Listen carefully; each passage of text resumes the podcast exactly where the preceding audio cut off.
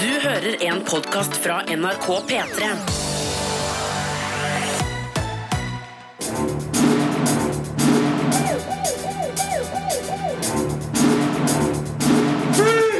Filmpolitiet!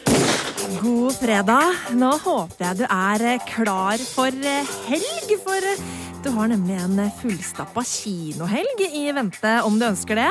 Det er et drøss med premierefilmer denne uka, og du skal bl.a. få høre anmeldelser av M. Night Shyamalans nye thriller Split, Ben Afflecks gangsterfilm Live by Night og selvfølgelig Marcus og Martinus-filmen Sammen om drømmen. Marte Hedenstad heter jeg, og jeg skal da lose deg gjennom dagens sending.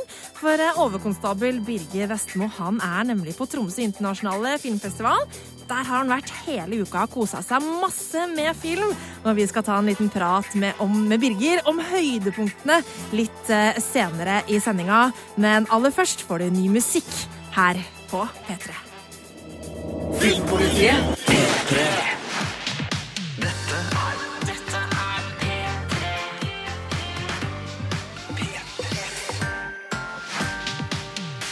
Her i Filmpolitiet, nå skal vi ta turen til Tromsø. For eh, der befinner du deg, eh, Birger. Eh, Hallo, hallo.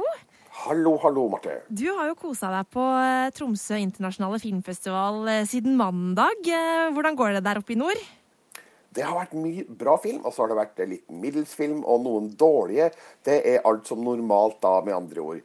Og så starta det jo da ganske fint med Tungeskjærerne. Og jeg vet ikke, Marte, hva slags assos assosiasjoner du får til den tittelen? Det høres ut som en slags så-aktig film. Ja. eller noe sånt. Men det er en dokumentar om et stykke nordnorsk virkelighet.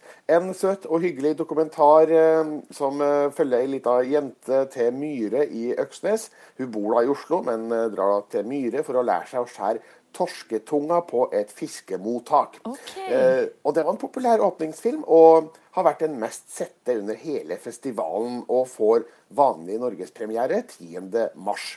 Eh, den enkeltprestasjonen som har imponert meg mest under hele TIFF, det er Rebecca Hall sin innsats i hovedrollen i Christine. Eh, Her spiller hun da TV-reporteren Christine Chubbuck, som jobber i en TV-kanal i Florida, der eh, sjefen styrer mot en mer sensasjonsprega nyhetsdekning, mens Christine sjøl har ambisjoner om å utføre seriøs journalistikk, samtidig som hennes mentale tilstand blir stadig dårligere. Og det her er bygga på en virkelig person og virkelige hendelser. og er for så vidt godt kjent i mediekretser, men man må ikke være nyhetsjunkie for å, for å ha skal vi si, glede da, av eh, det her dramaet. Eh, Det som er litt trist, da, er at Christine har foreløpig ikke norsk kinodistribusjon. Så det spørs om den blir vist på kino i Norge. Eh, Det er jo det som er fint da med festivaler som TIFF. eh, At man får sett film som ikke nødvendigvis blir tilgjengeliggjort eh, på vanlig måte senere. Og så kan det hende at eh, den blir plukka opp nå hvis den gjorde det bra på TIFF, eller hvordan er det? Er det Ja, sånn det at jo ikke- filmer som vises, kan liksom bli plukka opp seinere? Ja da, det, det, det skjer. Altså, Norske distributører henter jo filmer fra filmfestivaler. Eh, kanskje oftere fra sånn som Berlin og, og Cannes, men eh, det er jo ikke umulig å se for seg at eh, noen eh, tar opp eh, Christine da, etter eh, årets TIFF. Eh, men den kanskje beste filmen som ble vist under Tromsø internasjonale filmfestival, hvis vi tenker norsk film, da, det var dokumentarfilmen 'Ishavsblod'. De siste selfangerne. Og Den skildrer da livet om bord på selfangstskuta Havsel, og deres kanskje siste tokt i eh, ishavet nord for eh, Island i 2015. Eh, her gis det et svært interessant innblikk i hvordan moderne selfangst foregår, samtidig som filmen inneholder fine personkarakteristikker av et morsomt mannskap. Og um, 'Ishavsblod' får da kinopremiere 17.3. Ja. Eh, så eh, jeg har snakka med regissørene, og det skal vi høre snart. Eh, jeg skal bare legge til helt til slutt her at eh, jeg har ett høydepunkt igjen da før jeg drar hjem, nemlig avslutningsfilmen 'La La Land'. Kanskje en av de som jeg har gleda meg mest til i hele år, og vi snakker jo allerede januar. Men den er avslutningsfilm og har premiere 24.2, så Nå skal jeg endelig få sette hva alt oppstyret er rundt, og om den virkelig er en så stor Oscar-kandidat som det kan virke som. Åh, Så utrolig spennende, Birger. Jeg gleder meg også skikkelig til å se den. Da må du bare kose deg masse videre på festivalen i Tromsø. Og så ja, rett og slett bare ha en fin kinoopplevelse med La La Land. Det skal jeg ha. P3. Og det er Filmpolitiet du hører på, og det betyr jo at det handler mye om film akkurat nå på P3. Eh, Og Ben Affleck han har mange jern i ilden om dagen, for han har faktisk eh, tid til å være mer enn bare Batman. Eh, Og i gangsterfilmen Live by Night så er han både hovedrolleinnehaver, regissør og manusforfatter. Eh, Det er mulig det kanskje er litt for mange baller i lufta for eh, Ben Affleck, men eh, Sigurd Vik syns at han løser skuespillerprestasjonen i hvert fall ganske godt. Vi skal straks få høre Sigurd sin dom. P3. Filmpolitiet anmelder film. Even if you win today's battle, there's so much violence in what you do. Jeg er glad i gangsterfilmer, og som sjangerfilm er Live by Night både lekker og underholdende. Ben Affleck er både regissør, manusforfatter og hovedrolleinnehaver når vi tas med tilbake til 1920-tallets Boston. Her er forbudstid og mafiarivalisering kulissene for ei historie full av kuler, hevn, moralske kvaler og dødelig kjærlighet. We do what we want to do. We'll go where we want. Joe Coughlin, spilt av Ben Affleck, er en ærlig bankraner i Boston. Som politisønn og tidligere soldat er han allergisk mot alt som lukter autoriteter. Og som gatesmart ire er han intelligent nok til å skjønne at da må han også styre unna byens store gangsterfamilier. Han holder seg unna allianser både til den irske og den italienske mafiaen, men så skjer det dramatiske ting som trekker han inn i et farlig spill. So you're threatening me with people who are more powerful than you? Exactly. So what am I talking to you for? Ben Affleck har mye på hjertet i Live by Night. Det virker som han har veldig lyst til at dette skal være en gangsterfilm folk nevner i samme åndedrag som Godfellas, Scarface og Once Upon a Time in America. Men til en sånn bragd er verken historia, stemninga eller karakterdramaet godt nok. Vi følger spritsporet fra Boston tilbake til cubanske ingredienser. Vi blir godt kjent med mafiaens nådeløse metoder. Ku Klux Klan dukker opp, og vi møter sørstatenes religiøse kasinomotstand, korrupte embetsfolk og dyptgående klasseskiller. Alt spilt opp mot ulike versjoner og visjoner av den amerikanske drømmen. Ei sånn historie krever et stort lerret og stor fortellerkunst, men Ben Affleck klarer ikke helt å finne verken fortellertempoet eller drivet til å holde alle de her trådene interessant hele veien. This is heaven. Right here. We're in betyr ikke at filmen mangler gode sider. Live by Night er en velspilt og fengende historie om en manns kamp mot seg sjøl og det harde gangsterlivet. Og liker du Ben Affleck, serveres du her en jumboporsjon. Terningkast fire. Takk til Sigurd Vik for anmeldelsen av Live by Night. Og som sånn skikkelig stor Ben Affleck-fan, så lurer jeg på om jeg skal eh, få med meg den her eh, på kino, altså. Terningkast fire er jo en grei film, er det ikke det? Syns det. Filmpolitiet. Filmen Jeg, Daniel Blake, den vant Gullpalmen i Cannes for et halvt eh, år siden. Eh, Og nå har den endelig norgespremiere. Og Birger Vestmo han syns at dette her er en sterk historie om når velferdssystemet svikter. Filmpolitiet anmelder film.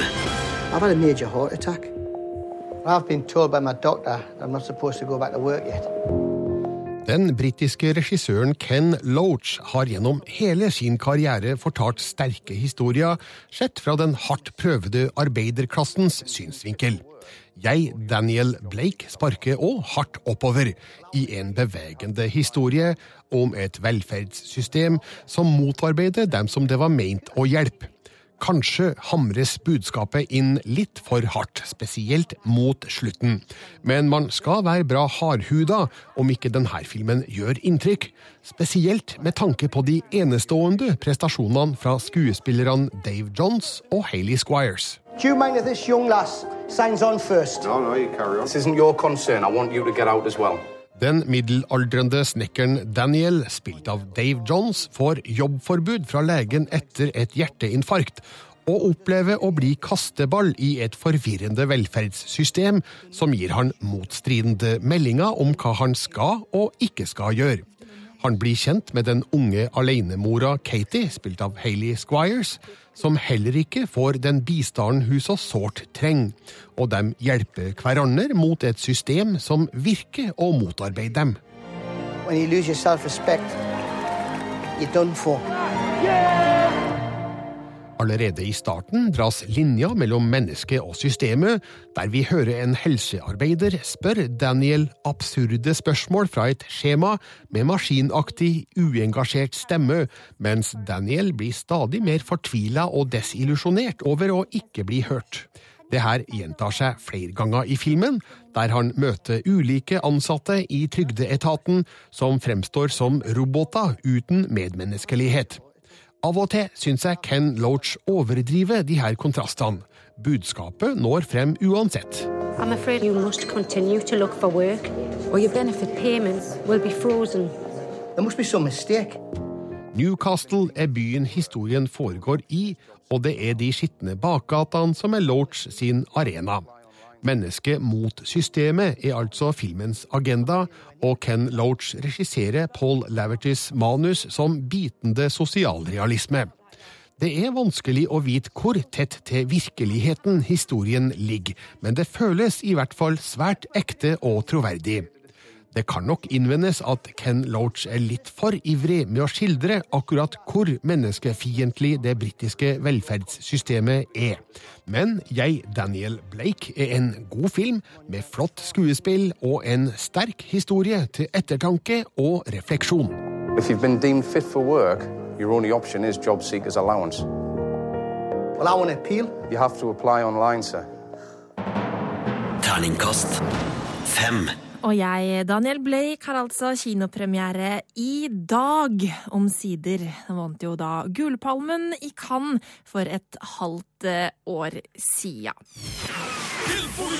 Filmpolitiet På P3.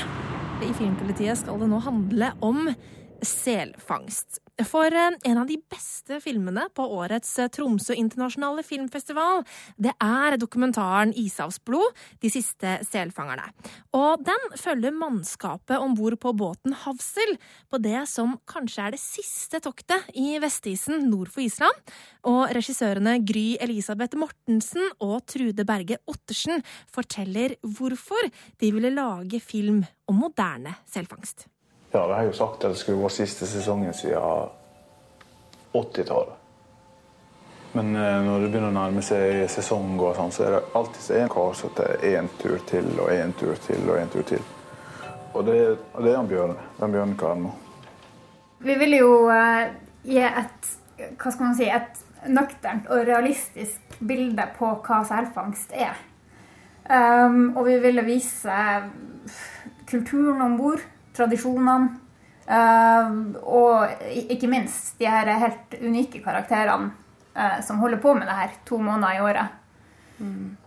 Ja, for når du snakker med folk flest, så veit de jo ikke så veldig mye om selfangst. Det er de her gamle, eh, gamle historiene som fortsatt henger ved. Da. Så vi ville vel kanskje gi dem et litt mer sånn ærlig ettermæle. Eh, og når man, så, når man ser at selfangsten er på vei til å forsvinne, så er det jo fint å kunne se hva som La dem få en sjanse til å fortelle hva de faktisk har holdt på med. Det skulle vært is for lenge siden, men vi ser det vestover og vestover og vestover. Det er åpent hav. Um, det er jo en del eh, som finansiører og TV-kjøpere som har spurt når vi har vært på sånne finansieringsforumer, og sånt, som har spurt om vi ikke kunne ha med litt mer sånn arkivmateriale og litt mer kontekst og politikk. Og, men vi hadde lyst til å la folk få oppleve en sesong i Vesterisen. Og kanskje ikke klusse det så mye til med før og etter. Bare la folk få oppleve det og lage seg sin egen mening. For det er jo, når vi ser tilbake igjen på det, så er det de to beste månedene av livet vårt. Det er jo helt fantastisk eh, å få vært med på et sånt eventyr og komme ut i det universet med bare is og hav og de dagene ute. Ja, jo, selv om det er ganske repetativt når du driver med fangst, så er det veldig forskjellige dager. Eh, vær og vind og dyrfor... Altså værforhold og hvor mange dyr det er der, og man finner kastet og eh, Ja, og det derre kameratskapet som dannes som bor på skuta. og um, det ser man jo i filmen, da, at det er veldig sånn varmt og humoristisk. Og det blir en helt sånn spesiell kultur om bord. Vi gikk lørdagskvelden kvart over ni. Og nå er klokka skjærtorsdag kvart over ni. Fire og et halvt døgn. Nå er vi. Du hørte regissørene Trude Berge Ottersen og Gry Elisabeth Mortensen, som står bak dokumentarfilmen Ishavsblod de siste selfangerne. Og den vises nå under Tromsø internasjonale filmfestival, men har ordinær norgespremiere 17 mars, eh, hvis du kunne tenke deg å se den. Og reporter i Tromsø, det var Birger Vestmo, det. Det er Filmpolitiet du hører på, men vi skal holde oss litt i musikkland. Fordi eh, at denne uka her så er det jo premiere på en musikkfilm. Eller en fanfilm, om du vil. Eh, for hvis du spør en, en gjengse tenåring nå om dagen om hvem som er det, liksom, det største norske tenåringsidolet i dag, så tipper jeg at eh, i hvert fall en god del av dem kommer til å svare Marcus og Martinus. Eh, og i dag så er det jo rett og slett kinopremiere på Marcus og Martinus sammen om drømmen. Som eh, er da en film om den lange karrieren de to snart 15 år gamle gutta har bak seg. Eh, En underholdende film, spør du meg, eh, og jeg tipper at fansen kommer til å elske den ganske så høyt. Filmpolitiet anmelder film.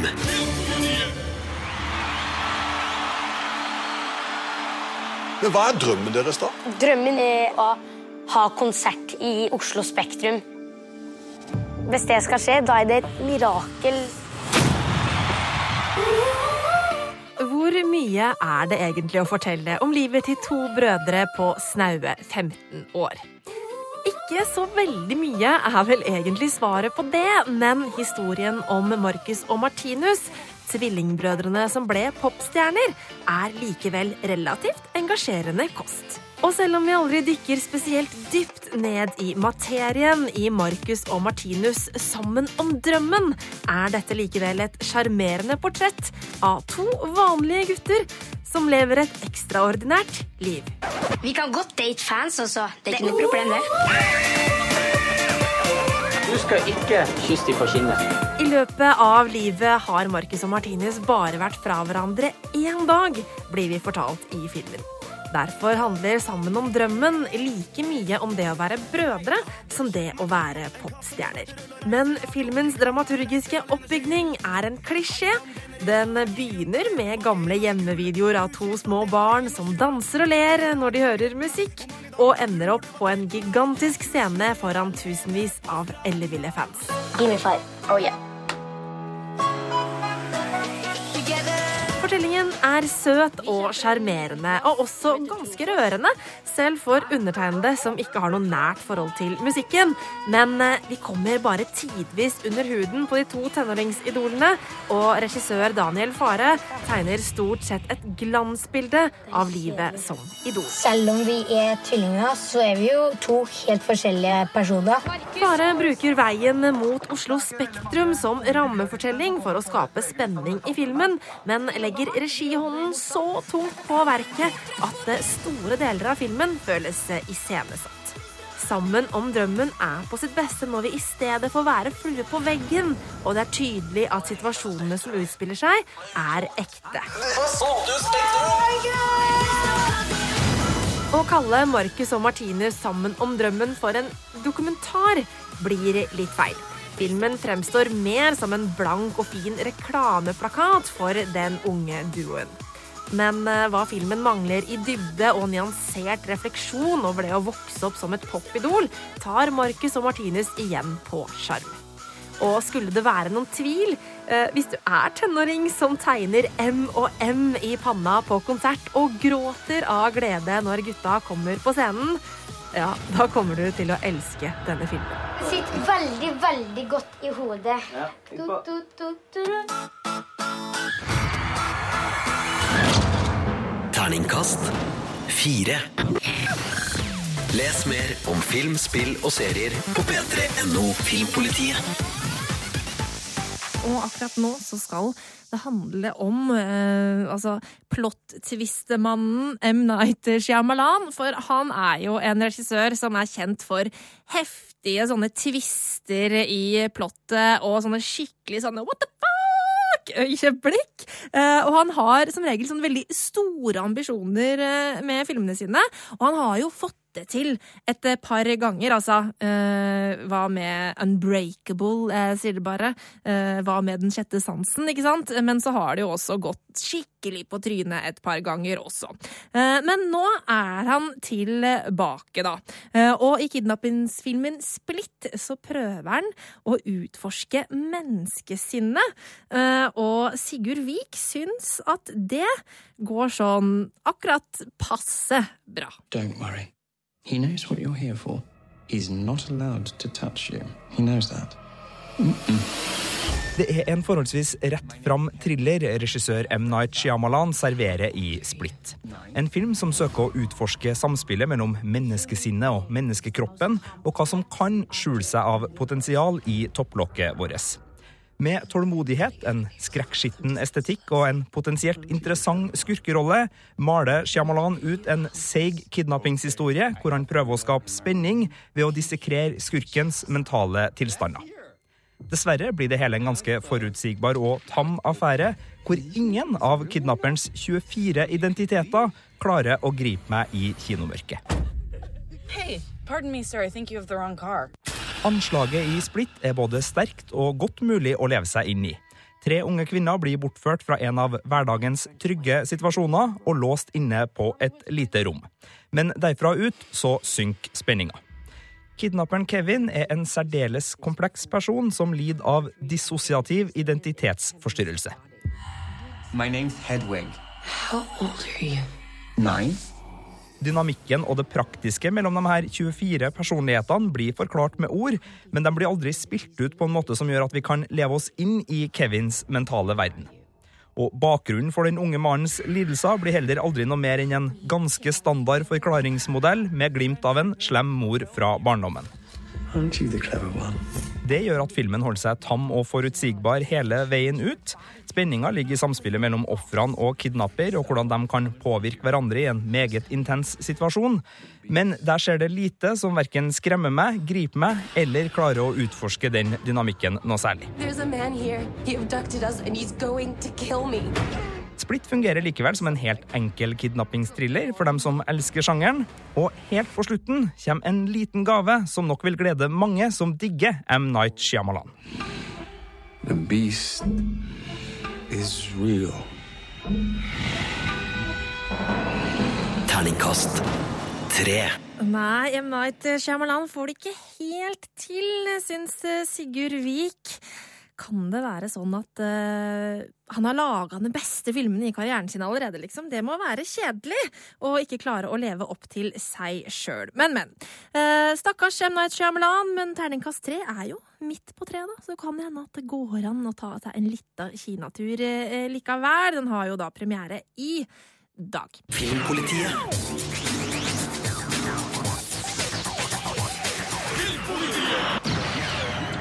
Vi skal eh, over til russisk film i Filmpolitiet nå. eh, For eh, religiøs fanatisme det er fremdeles et problem i noen deler av verden. eh, Og det er nettopp det som er tema i den russiske filmen Disippelen, som har eh, kinopremiere i dag. Og Birger han syns at det her er en sterk film eh, om eh, en russisk ungdom som skaper ganske så mye kaos rundt seg pga. bibelske tekster, som han eh, tar svært bokstavelig.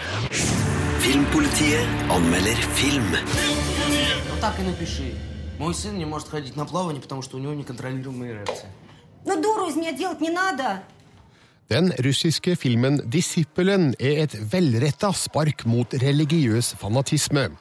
Det er òg en vital regibragd av Kiril Serebrennikov, som tilfører historien like høy energi som hovedpersonen bruker på sin tro. Historien er basert på et teaterstykke, men virtuos kamerabruk fjerner ethvert inntrykk av at det her er filma teater.